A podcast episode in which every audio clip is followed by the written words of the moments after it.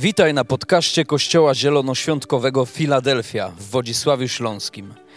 Mamy nadzieję, że to przesłanie zachęci Cię do bliższej relacji z Jezusem. Jeżeli jesteś ciekaw, kim jesteśmy, zapraszamy Cię do odwiedzenia naszej strony internetowej filadelfia.org.pl. Do zobaczenia w Filadelfii. Tak jak powiedziałem, zaczyna się wyjątkowy tydzień. Jutro przyjeżdżają nasi goście z Betel, grupa 10 osób, zawodników wagi ciężkiej, którzy na co dzień w kościele Betel w Redding w Kalifornii usługują w tak zwanych pokojach uzdrowień. To są miejsca mniej więcej takiej wielkości jak te. E, I to są pokoje. I w tych pokojach w każdej soboty, przez całą sobotę właściwie ludzie zjeżdżają z różnych miejsc Stanów Zjednoczonych, świata, aby przeżyć Boży dotyk, uwolnienie, uzdrowienie, zbawienie, aby doświadczyć słowa proroczego. I tam są takie kilkunastoosobowe grupy pastorskie, które usługują ludziom, którzy przyjeżdżają z całego świata. E, I między innymi będzie pastor Rick, który, o którym wam opowiadałem, który mnie w tych swoich wielkich ramionach trzymał i Duch Święty napełniał mnie miłością. Przecudowni ludzie, pastor Brian Long, także człowiek, który właściwie przeżył śmierć i został wzbudzony z martwych e, w trakcie wypadku samochodowego, który przeżył. I w trakcie tego tygodnia będziemy, oni będą wizytować, będą odwiedzać nasze grupy domowe po to, żeby Wam usługiwać. Proroczo, modlitwą, e, słowem wiedzy, darami Ducha Świętego. Także oczekujcie dobrych rzeczy.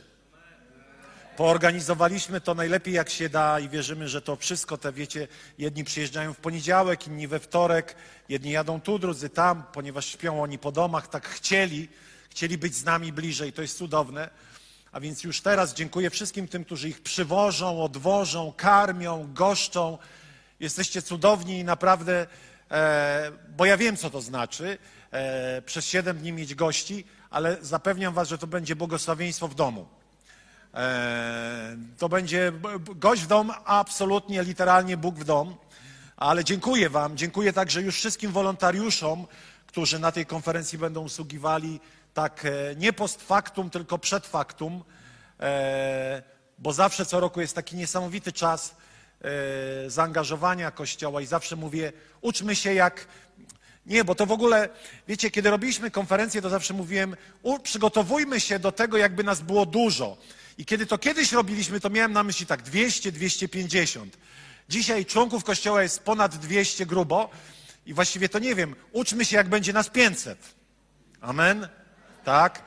E, I tak sobie patrzę na tą coraz bardziej zapełniającą się salę i mówię, Panie, te ostatnie miesiące i lata czynisz to, na co myśmy czekali 20 lat. Wczoraj byłem na takiej konferencji a, mm, organizowanej przez e, e, takie towarzystwo misyjne Billy Grahama. To był jakiś taki wielki ewangelista. Dzisiaj jego syn Franklin Graham to prowadzi. E, I tam miałem okazję słyszeć wypowiedzi wielu pastorów. Mniej więcej brzmiały one tak. Nie wiemy, co się dzieje, ale zaczyna się dziać dobrze. Kościoły, które nie chrzciły przez lata więcej niż 5-7 osób, teraz mają chrzty 30-osobowe. Coś dobrego się dzieje, kochani. Bóg otwiera serca Polaków. Mówię serio. Mówię też serio, że już lepszego momentu nie będzie za mojego życia. Może młodszych tak, ale Bóg bardzo wyraźnie mi to pokazał, że to jest czas żniwa w moim pokoleniu. I nie możemy przeczekać tego, ponieważ Bóg otwiera serca naszych rodaków. Mówię to bardzo serio. Wiecie, możemy rozminąć się z tym Bożym poruszeniem, a, a, a możemy w nim być. E, ale to wymaga jednej prostej rzeczy, właściwie dwóch. Módl się i głoś. Módl się i zapraszaj. Módl się i wierz głęboko, że Ewangelia jest odpowiedzią. Że Ewangelia jest odpowiedzią dla każdego człowieka w każdym miejscu, w każdej sytuacji. Ona jest potężną mocą. Dzisiaj jechałem rano do, do kościoła i pomyślałem sobie tak, umyję samochód, bo nie wypada, że pastor brudnym jeździł. Zajechałem po drodze na myjnie i tam był człowiek, bezdomny. I podszedł, tam podchodził do każdego z tych, z tych kierowców i tam mu ludzie dawali pieniądze i podszedł do mnie. I tam miałem jakieś grosze. Mówię, nie będę chłopu dawał tych groszy, bo to go obraża. Ale tak słuchałem siebie wewnętrznie i sobie myślę, Jezu, jak ty zmieniasz serce człowieka. Kiedyś bym powiedziała, co mu, na wódę dam, na ćpanie, wiecie, ten, te, te, te religijne fochy czasami są tak okropne w nas. Ja mówię, poczekaj, bo mówię, muszę, muszę i, skończę auto, muszę zajrzeć do bagażnika, bo tam mam portfel. I wyciągam i sobie myślę, ale ja tu muszę coś zrobić takiego jeszcze bardziej z Boga. Wyciągnąłem, dałem mu pieniądze. I mówię, ale wiesz co? Bo ja się chcę o ciebie pomodlić. I on tak biedny stoi. I mówi, a to kim pan jest? A ja mówię, pastorem. On tak, o kurde. I tak sobie pomyślałem, czyli głupio od duchownego prosić o pieniądze. Do czego to doszło, nie? Że pastorzy i księża kojarzą się ze skąpstwem w tym kraju. Mówię w imię Ojca i Syna, wybacz mi Boże. Mówię, nie, spoko, spoko. E. I wiecie, zacząłem się o niego modlić. On się biedny popłakał. Ja się popłakałem. Ktoś może powiedzieć, to wódka płacze. Nie, człowiek jest człowiek. Człowiek jest człowiek. Dlaczego o tym mówię? Nie dlatego, że powiedzieć, jaki fajny jestem i w ogóle, tylko szukajmy okazji każdej. Szukajmy okazji każdej. Ten naród umęczony potrzebuje Jezusa. Potrzebuje Ewangelii. I, I, jechałem z taką radością, wiecie, taki byłem szczęśliwy, że mogłem temu, temu biedakowi e, usłużyć. Korzystając z tej okazji, skoro tak zrobiło się trochę refleksyjnie, odszedł do wieczności Stefan. E, bohater wiary, filar, który zakładał ten kościół. Człowiek, który szedł przede mną. Człowiek, od którego uczyłem się grać te wszystkie piosenki z wędrowca. E, wiele lat temu zachorował na schizofrenię no i nie uniósł tego ciężaru. Nie mamy odpowiedzi e, na wszystkie pytania. Znaleziono go, ale chciałbym mu taki, wiecie, z honorami pogrzeb uczynić. Kiedy będziemy wiedzieli, kiedy będzie chowany, to, to powiemy wam. A wiecie, to są niemi bohaterowie, o których większość z was nie wie, ale to dzięki nim my tutaj jesteśmy. Zaproszę pastora Zygmunta, żeby też usługiwał. Poproszę ciebie, Mariusz, też, żebyś jako jego lider usługiwał podczas pogrzebu. Oczywiście, jeżeli rodzina zwróci się do nas, bo my nie możemy się narzucać. A, e, I tak to już jest, że czasami ci najbardziej nie rzucający się, nie pchający na szkło, od nich tak wiele zależało. Pamiętam, brał tą gitarę swoją, uczył mnie, jak grać te wszystkie piosenki. E, był absolwentem szkoły misyjnej e, i był prawdziwym misjonarzem. Potem różnie jego losy się toczyły, ale ciągle był, trwał przy Panu. E, kościele, czy znałeś, czy nie znałeś, bądź na pogrzebie tego wielkiego człowieka. Może nie, nie głosił do tłumów, ale głosił mnie i paru innym, którzy dzisiaj tu są. Głosił Basi, śpiewał na gitarze, która nawróciła się na rynku. E, I tak moglibyśmy mnożyć tą służbę, czasami mało spektakularną, bo i gitara nie taka dobra, i grajek nie taki wybitny, i śpiew nie taki cudowny, ale Bóg używa tych kruchych narzędzi. Amen. Także chwała i cześć Stefanowi, ale jest w domu Ojca. I tam mu będzie lepiej i tego się trzymamy. Moi drodzy, kolejny, kolejny wykład z typu most, trochę muszę się tak ogarnąć, przepraszam Was.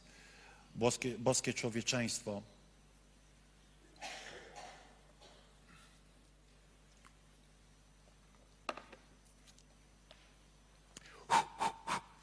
Mamy w domu wiele naczyń. E, mamy taką szafkę, ona się tak otwiera, wiecie, do góry, jest bardzo wygodna i tam poustawiane są różne naczynia, kubki. Są kubki z kompletów i są kubki tak zwane dostane, te słynne kubki z wersetami. O jedno was proszę, jeżeli kiedykolwiek będziecie chcieli mi dać jakiś prezent, to nie kubek z wersetem. Ja was o to błagam. I w ogóle nie dawajcie mi takich chrześcijańskich prezentów. Ja ich naprawdę nie lubię. E... Przynajmniej jeden szczery. E, Wiecie, zawsze wymaga patrzeć mocno na serce. E, Ale naprawdę nie lubię tych wszystkich darowanych kubków, a mam ich całe mnóstwo. E, Ale co chcę powiedzieć, bo to jest ważne, bo dzisiaj Wam chcę opowiedzieć o, o stłuczonym naczyniu. Jest nawet taka piosenka, tak? Broken vessels. Stłuczone naczynie. Potłuczone, rozbite. E, I wiecie, co jakiś czas jeden z tych kubków wypada mi z ręki i się rozbija. Co robi człowiek? Zamiata, skupcie się już, zamiata się, zamiata to i wyrzuca. Zgadzacie się z tym? Ponieważ ten kubek stanowił jakąś mini wartość przedtem, ale kiedy rozbił się, on już nie stanowi żadnej wartości. Tak, nie wiem, kosztował 5 zł, 7, 10. Trochę bardziej szkoda tych, które są z kompletów filiżanek. E, porcelanowych, spadnie i najczęściej jest tak, o, było 6, zostało 5. Było 5, zostały 4. Jak tu teraz ugościć? Ale też bierzemy, zamiatamy i wyrzucamy. W Królestwie Bożym jest kompletnie inaczej. W Królestwie Bożym jesteś naczyniem kruchym, słabym, glinianym i dzisiaj jest o tym. I kiedy wypadasz z tej półki, posłuchaj tego, rozbijasz się na tysiące kawałków, poprzez to, co zrobiłeś albo to, co cię spotkało, czujesz się jak rozbite naczynie i Pan Bóg przychodzi i nie bierze miotły, nie zamiata tego i wyrzuca, tylko pochyla się nad tobą i zaczyna cię sklejać. Choćby były to miliony kawałków, to dla Boga naczynie kruche, którym jesteś, stanowi wartość cały czas. Bez względu w jakim stanie jesteśmy, to czy jesteśmy rozbitym naczyniem na miliony kawałków, czy jesteśmy zacnie stojącą filiżanką przeznaczoną do celów zaszczytnych, to Bóg przychodzi i bierze każdy ten najdrobniejszy kawałek i skleja. Ale skleja w sposób doskonały.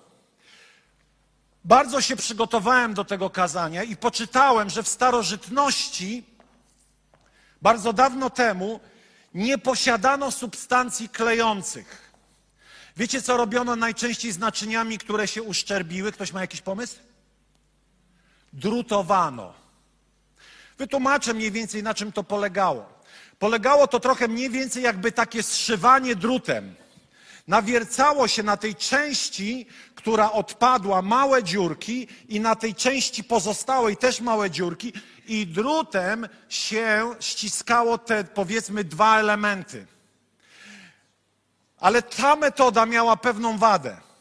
Po pierwsze, mogła ona tylko dotyczyć naczynia niezbyt rozbitego, czyli na przykład uszczerbionego, zgadzać się? Ponieważ gdyby było tych, tych ułamków bardzo wiele, trudno by to było poskładać. A po drugie, to naczynie już nie było pełnowartościowe, bo przeciekało. Nie dało się tak ścisnąć, żeby ono zatrzymywało ciecz, która jest w środku. Ono już miało wadę. Ale przeczytałem też, i to niekoniecznie jest jakaś korelacja historyczna, ale przeczytałem, że w chyba XVI wieku Japończycy wy, wy, wy, wymyślili doskonałą metodę łączenia rozbitych naczyń, która była tak perfekcyjna, że naczynie było pełnowartościowe i nie było widać tych e, uszczerbków. Moi drodzy, myślę, że Pan Bóg jest takim doskonałym garncarzem, który z jednej strony nas formułuje, ale z drugiej strony potrafi doskonale naprawić.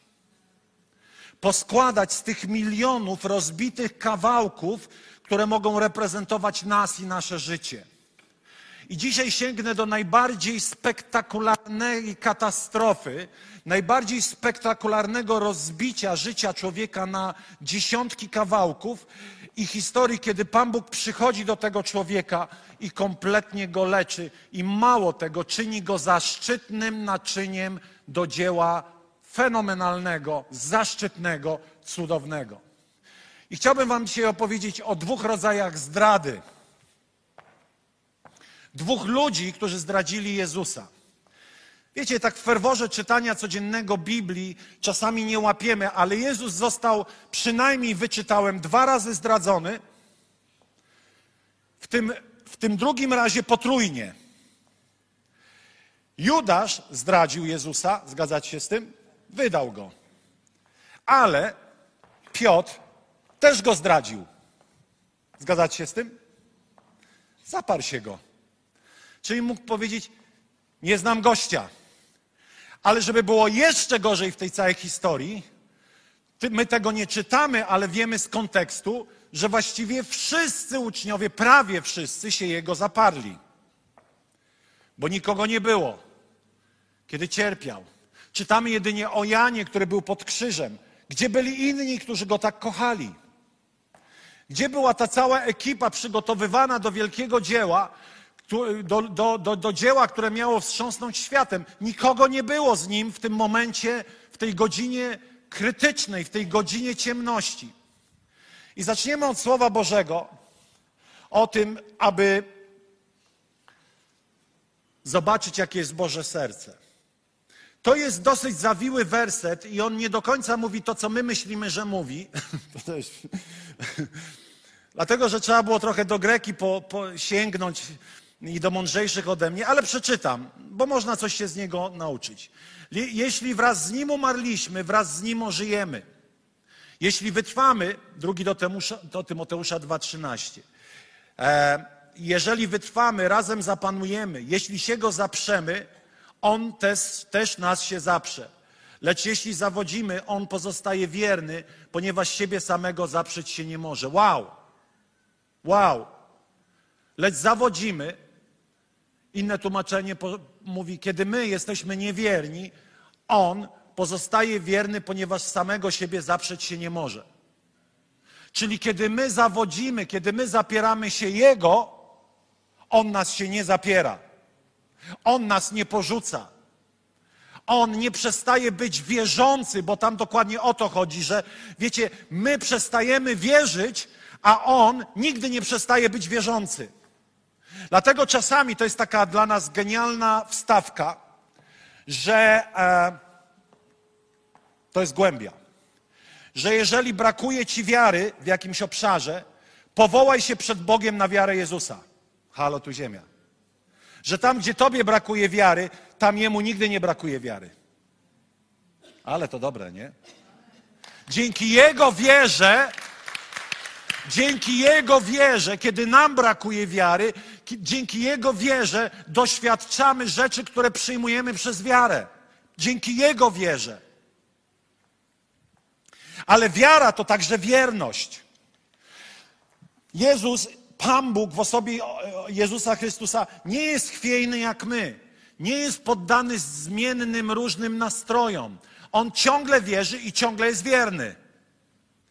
I zobaczmy teraz, idziemy dalej.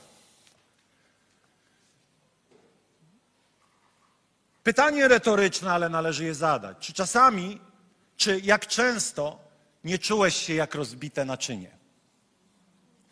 Czy wiele razy nie mówiliśmy, jestem rozbity, stłuczony, skruszony na miliard kawałków? Czasami to były okoliczności zewnętrzne, w których nie zgrzeszyliśmy, a czasami to były nasze grzechy. Czasami to były nasze upadki. Czasami to była presja, której zostaliśmy poddani. Oto Psalm 31 mówi: Wypadłem z pamięci jak umarły, stałem się jak rozbite naczynie. Słyszę bowiem złowrogie szepty wielu, wokół strach, gdy wspólnie przeciwko mnie radzą, spiskują, jak odebrać mi życie. Lecz ja Tobie ufam, Panie, i powiedziałem, Ty jesteś moim Bogiem. W Twoim ręku są losy moje. Ocal mnie od prześladowców i wrogów. Rozjaśnij oblicze nad swym sługą. Wybaw mnie ze względu na swą łaskę. Moi drodzy, taka klamra. Po pierwsze, psalmista mówi, stałem się jak rozbite naczynie. Dlaczego? Ponieważ wszyscy nastają na mnie. Oczywiście wiemy, że ci wszyscy wrogowie Starego Testamentu są dzisiaj, są zapowiedzią pewnej duchowej walki, pewnej presji, którą przeciwnik wywiera na nasze życie, podjudza ludzi względem nas, wywołuje presję życiową, okoliczności, abyśmy byli rozbici, aby nasze życie zaczęło mówić: Bóg mnie zostawił, Bóg mnie porzucił, albo nie wiem, zawiodłem i się nie nadaje.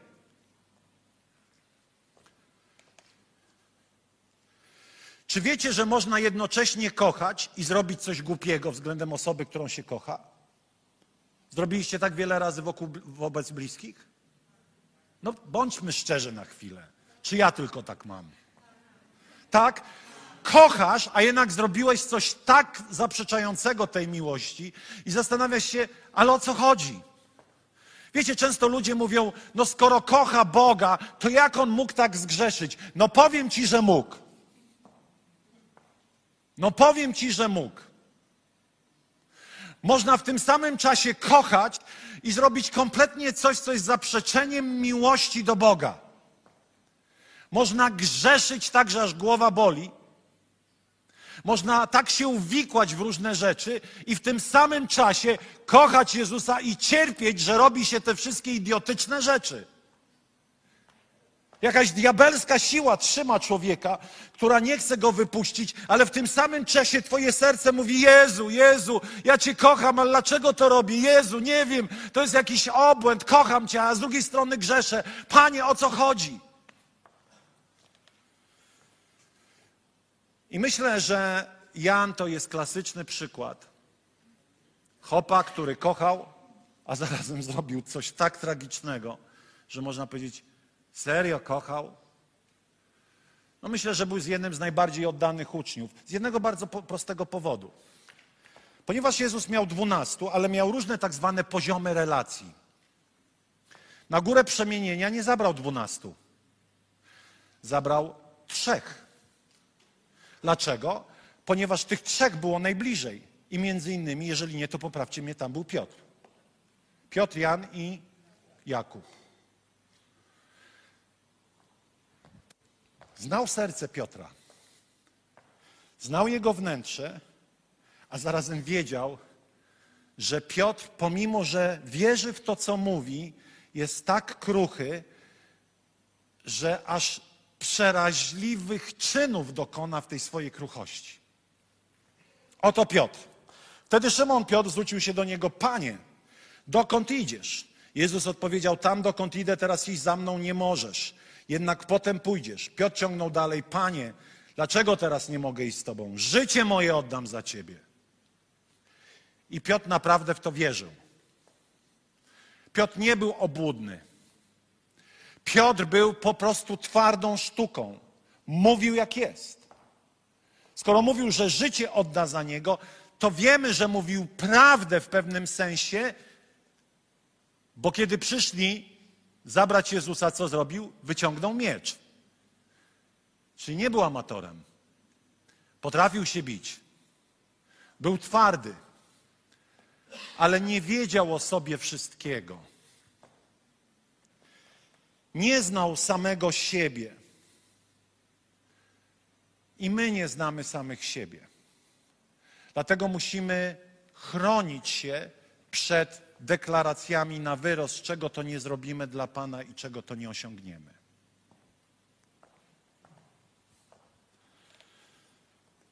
Jezus odpowiedział: Oddasz za mnie życie swoje? Ręczę i zapewniam. Czyli Jezus mówi: Zaprawdę, zaprawdę, na pewno tak będzie, że zanim ko zapieje kogut trzy razy, mnie się wyprzesz. Wow. To była najgorsza skucha. Wiecie, cały Stary Testament to jest walka o wierność Izraela Bogu Jahwe. I Piotr nagle słyszy, że będzie niewierny Jezusowi, Synowi Bożemu. Czyli znajdzie się w tej samej grupie tych wszystkich niewiernych Izraelitów, których prorocy wzywali do opamiętania, do tego, aby wrócili na ścieżkę wierności Bogu. Nie było gorszej skuchy. To już była najgorsza, nazwana duchowym bałwochwalstwem, cudzołóstwem duchowym, po prostu skuchą nad skuchy. Jeszcze chwilę wcześniej Piotr robi dochodzenie, kto zdradzi Jezusa. Taki gorliwiec był. Wiesz, kiedy studiujesz pewne rzeczy, to czytasz, nagle mówisz, wow, to był gościu, zobaczcie. Po tych słowach Jezus poruszony do głębi wyznał, ręczę i zapewniam, jeden z was mnie wyda. Uczniowie zaczęli przyglądać się sobie, to tak jakbym powiedział, ej, z Filadelfii ktoś mnie zabije. Wiem to na pewno. To może być każdy. Tak?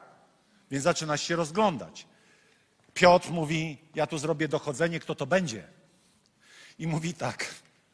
A jeden z jego uczniów, ten, którego kochał Jezus, spoczywał obok Jezusa. Szymon Piotr dał mu znak, by dowiedział się, o kogo chodzi. Jan, weź zróbmy taki numer, żebyś wybadał, kto to będzie. Czyli ten, któremu, do, który zamoczy chleb w misie Jezusa, ten będzie zdrajcą. Czyli zobaczcie, Piotr jest naprawdę zawodnikiem, który kocha Pana, któremu zależy na dobru Jezusa, który nawet mówi: Panie, nie idź na krzyż, który wydaje się, że jest naprawdę silny w swojej wierze. No i wiemy, że tam historia była taka, że się dowiedzieli, kto to jest i tak dalej. Ale ja bym się chciał na chwilę zatrzymać przy zdradzie Judasza. Albo może na tych dwóch zdradach. Taką sobie zrobiłem interpretację tego, że są ludzie, którzy zdradzają dla korzyści i są ludzie, którzy zdradzają ze strachu. Piotr zdradził ze strachu, Judasz dla korzyści. Moi drodzy, to możesz być ty, to mogę być ja, niech chociaż ręka nas broni, ale możemy zdradzić, aby sięgnąć po to, co, jest bez, co, bez, co nam się nie należy. Bo dla korzyści, czyli zabrać, wziąć, stanąć w miejscu, do którego nie mam prawa. Otrzymać coś, co mnie w ten sposób się nie należy, abym dostał. Pamiętacie, dlaczego Judas zdradził? Dla korzyści finansowej. Może też jakiegoś prestiżu. Może ktoś z nas jest kuszony, aby drogą na skróty zrobić karierę w pracy. Jakże miło się słucha historii, kiedy ktoś mówi, dostałbym awans, ale ktoś inny musiałby wylecieć z tego stanowiska, więc nie chce takiego awansu. Nie chce dopuścić się zdrady. Ale możemy źle mówić, żeby siebie wybielić i, i, być bardziej kompetentnym, aby otrzymać jakiś awans kosztem innego człowieka, który może nie ma takiej siły przebicia, ale pracuje uczciwie. Zdrada to jest często droga na skróty, aby zyskać coś, co tobie się nie należy i mnie. Zdrada to jest ceny za wierność, gdyż wierność Bogu zawsze mają, ma swoją cenę i w pierwszym etapie zawsze to jest minus. Kiedy chcemy być wierni Bogu, musimy rozumieć, że zawsze skonfliktujemy się ze światem. I nie chcę tu ogłaszać deklaracji, że ja byłbym wierny. Ja nie wiem, jaki byłbym. Każdego dnia, kiedy przychodzą takie momenty, mówię: Boże, daj mi łaskę. Każdego dnia, kiedy przychodzi pokusa, módlmy się, abyśmy nie byli jak Judasz, którzy za cenę doraźnego zysku są w stanie zdradzić drugiego człowieka. Ale prawdą jest, że Kościół też jest pełny absalomów ludzi, którzy z powodu lęku przed innym człowiekiem będą obgadywali kogoś innego albo pozwalali tylko dlatego, że nie mają w sobie tej wewnętrznej siły i tej szlachetności i nie powiedzą: Nie będę z wami obgadywał tego gościa, bo go tu nie ma. To jest zdrada dla korzyści, wiesz jakiej? Uznania u obgadywaczy. Uznania u ludzi bo Twoja wierność Bogu, której powiedziałbyś, nie będę plotkował, kosztowałaby Cię odrzucenie przez plotkarzy. Naprawdę tak Ci zależy na łasce u plotkarzy? Serio? Serio? Bardziej niż na uznaniu u Boga?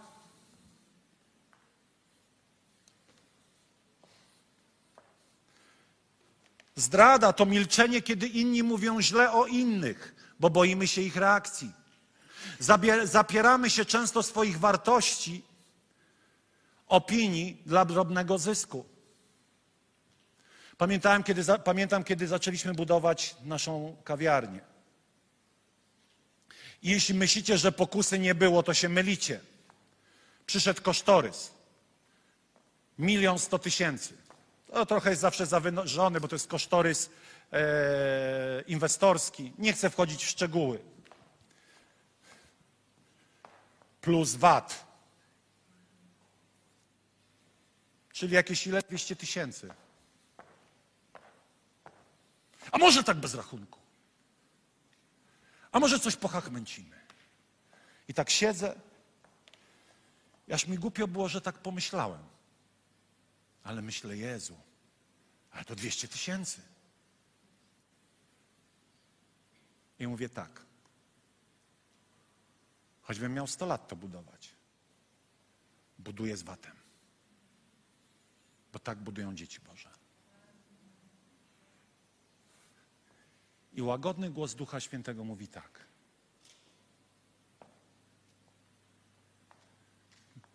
Dam ci milion, to myślisz, że nie dam ci 200 tysięcy? Myślisz, że 200 tysięcy to jest dla mnie jakiś problem?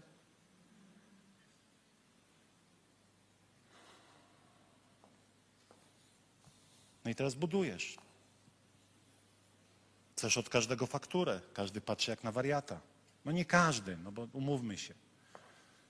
Są uczciwi ludzie i to jest zdecydowana większość, tak uważa. Ale być wiernym Bogu czasami wydaje się bardzo trudną sztuką. No i teraz nasz zawodnik Piotr. Piotr zdradził ze zwykłego strachu.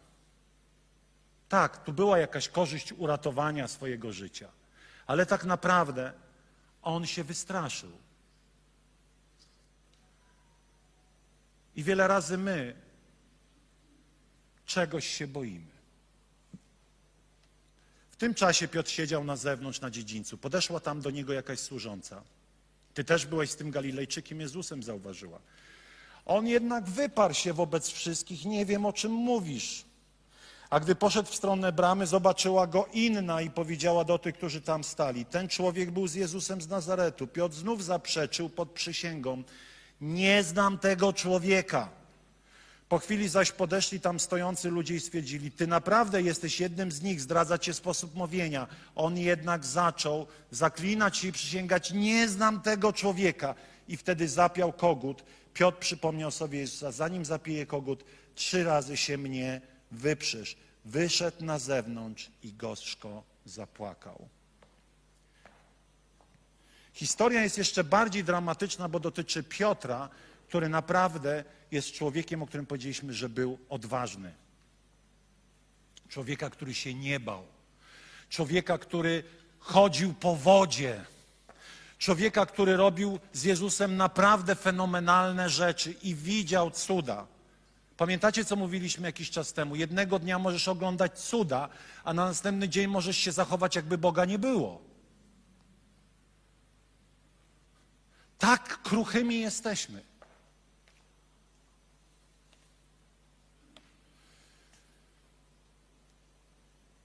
Ale tam jest jeden ważny symbol, który pokazuje, że czas osobistej siły i deklaracji bez pokrycia może się skończyć, jeśli. Co tam się wydarzyło? Tam, nie będę was już trzymał w niepewności, Piotr się trzy razy zaparł, czyli tak naprawdę, naprawdę się zaparł i zapiał kogut. Ruster, kogut. Lubi ktoś koguty? Nie, ale one koguty mają jedną cechę. Ja mam, u sąsiada mojego jest kogut. Dziad zawsze o czwartej rano pieje. No nie da pospać. Łajza jedna zawsze między czwartą a piątą zaczyna swoją melodię. Ale co on o, oznajmia? Wschód słońca. I ten kogut to jest taki symbol. Piotrze, w ciemności i o własnej sile nie uniosłeś tego, ale nadchodzi dzień zbawienia i światłości. i tam będziesz większy niż ten, który był teraz. Tu żyłeś w oparciu o własną siłę, stare przymierze, deklarację tego, co zrobisz, a czego nie zrobisz, co potrafisz, a czego nie potrafisz, ale ten kogut zapowiada nowy porządek nowego przymierza. Świt. Jesteście ze mną? I zobaczcie, co się dzieje dalej. I teraz co chcę powiedzieć? Bóg przychodzi do naszej zdrady i zabiera nas z tego miejsca. Bóg bierze to naczynie rozbite tego Piotra, który nie ogarnął się, pomimo że miał nawet kilka okazji, żeby się ogarnąć. Bo posłuchajcie, po pierwsze, Piotr przychodzi, widzi Jezusa po zmartwychwstaniu. E, doświadcza nowonarodzenia. Wielu rzeczy, a jednak Piotr w krytycznym momencie dalej, wiecie, można chodzić do kościoła, a ze względu na to, co się podziało, ciągle być rozbitym naczyniem. Tak? Zgadzacie się z tym? Można miesiącami chodzić do kościoła i być jak rozbite naczynie. Żyć w tym bólu, żyć w tej katastrofie, żyć w tej porażce, w tym, co się wydarzyło albo się wydarza. I wiecie, on dokładnie tak żył, bo kiedy przychodzi pewien ważny moment, mówi tak: wracam do starych zajęć. A Piotr, a Pan Jezus powiedział: Ale ty będziesz wielki. Ty będziesz robił wielkie rzeczy. Ale ta skucha tak go niszczyła, tak go demolowała, że Piotr mówi: Wracam do starych rzeczy. Ilu dzisiaj z nas nie ma, tylko dlatego, że pozwolili, żeby to rozbite naczynie pozostało rozbitym. Ilu ludzi przestało wierzyć w przyszłość, którą Bóg miał dla nich, dlatego że coś się podziało. Ilu ludzi na tym miejscu nawet dzisiaj siedzi i słucha i mówi: Jestem jak rozbite naczynie. Alkohol, różne upadki, różne grzechy, różne rzeczy, które dewastują moje wnętrze i nie wiem, co dalej zrobić, czy Bóg mnie przyjmie.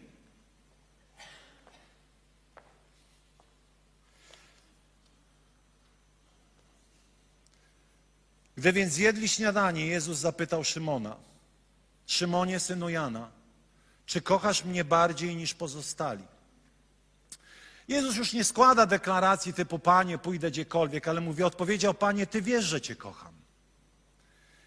Tu jest taka, wiecie, trochę zabawa z greckim, bo różne słowa na kocham są użyte, ale nie o tym dzisiaj. Pan na to dbaj o moje jagnięta. Wow!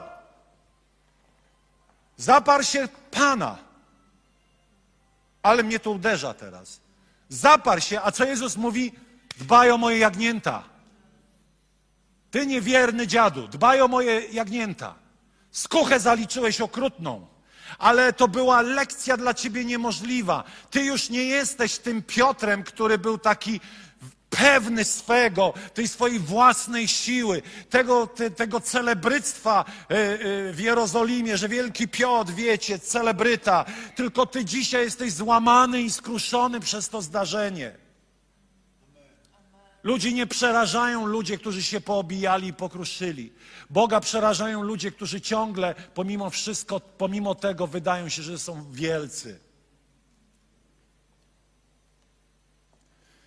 To złamanie Piotra tutaj, zobaczcie, my widzimy zupełnie kogoś innego, tak? Zgadzacie się z tym? Skruszonego, pobijanego, ale ciągle kochającego Piotra.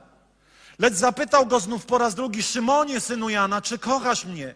Odpowiedział, tak, panie, ty wiesz, że cię kocham. Pan na to, pasiowce moje.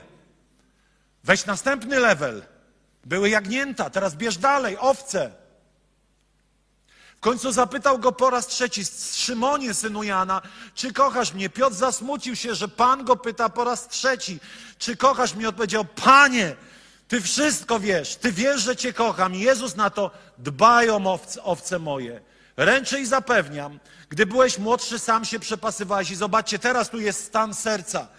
Ręczę i zapewniam, gdy byłeś młodszy, sam się przepasywałeś i chodziłeś dokąd chciałeś. Czyli można powiedzieć, parafrazując, Ręczę i zapewniam, tak było, że kiedy byłeś młodszy, to cwaniakowałeś. Mówiłeś, zrobię to, zrobię tamto, pójdę tu, pójdę tam, to osiągnę, tamto osiągnę, tu będę wielki, tam będę największy.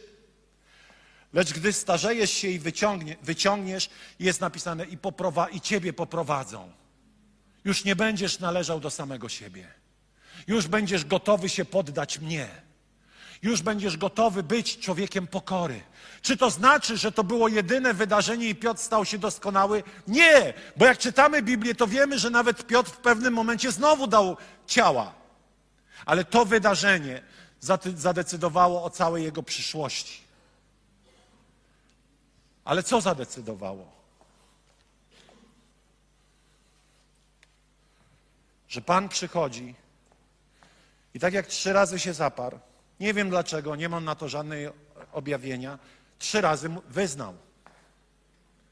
Być może przez te wyznanie trochę nawiązano do tego koguta, który przełamywał ciemność z porankiem. I może takie potrójne wyznanie to taki nowy dzień, nowy porządek, nowa rzeczywistość nowego przymierza, w którym słabi będą silni, w którym ci, którzy się nie nadają, będą się nadawali.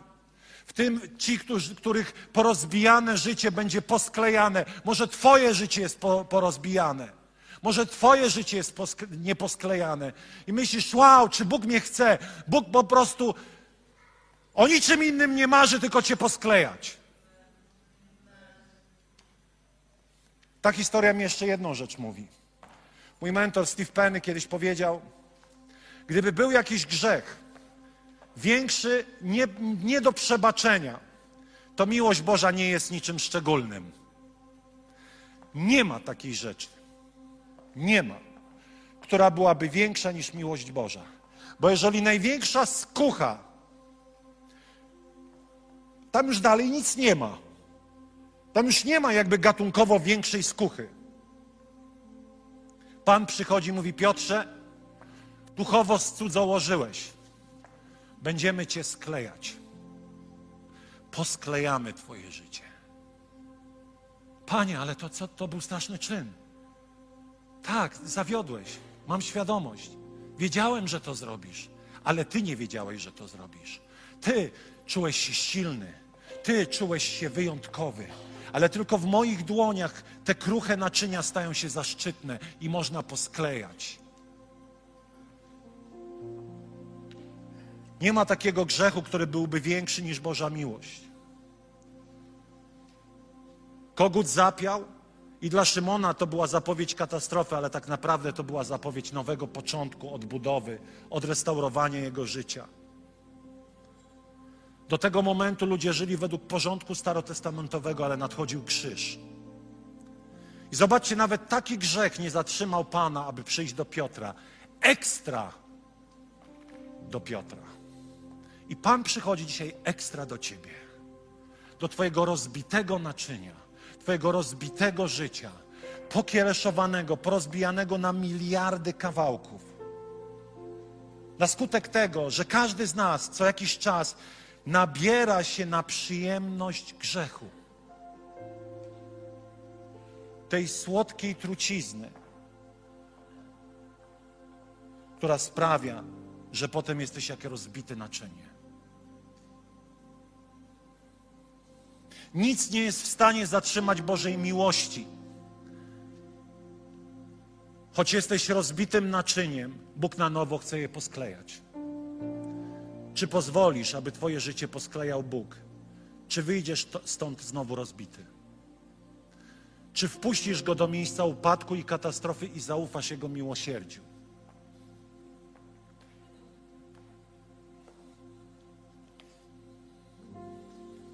Czy pozwolisz, aby Twoja stłuczka była Twoim więzieniem i wieczną klatką?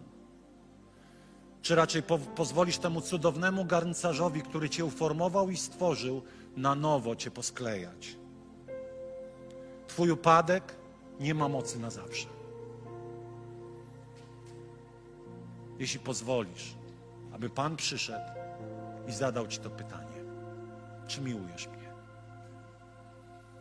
A Ty wiesz i odpowiesz: Panie, Ty wiesz, że Cię miłuję. Ty wiesz, że kocham Cię na zabój, ale czasami zawodzę.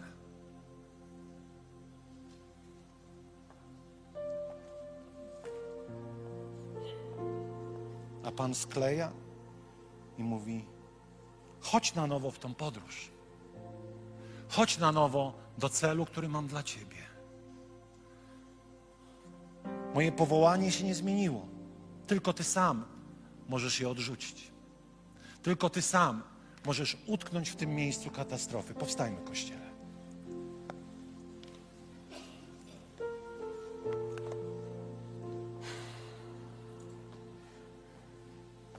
Aż mi serce tak bije, że nie umiem się ogarniać tutaj.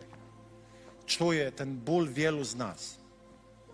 Ja to czuję, po prostu współodczuwam, jak wielu z nas czuje się, że tak bardzo zawiodło. Niech to będzie dzisiaj dla Ciebie dzień przełomu. Niech to będzie dzień, w którym usłyszysz, jak Pan mówi do Ciebie, pasiowieczki moje, cokolwiek to będzie znaczyć. Nie składaj mu deklaracji, że już więcej tego nie zrobisz czy tamtego. Po prostu pozwól mu, aby on dzisiaj wstąpił do Twojego życia i zaczął je lepić. Misternie dzień po dniu. Dlatego, że Boży proces odrodzenia, odrestaurowania tego naczynia nie polega na, jedno, na jednominutowej, krótkiej modlitwie w niedzielę rano, ale to jest pewien proces, którym Bóg będzie leczył Twoją zdewastowaną przez upadek duszę.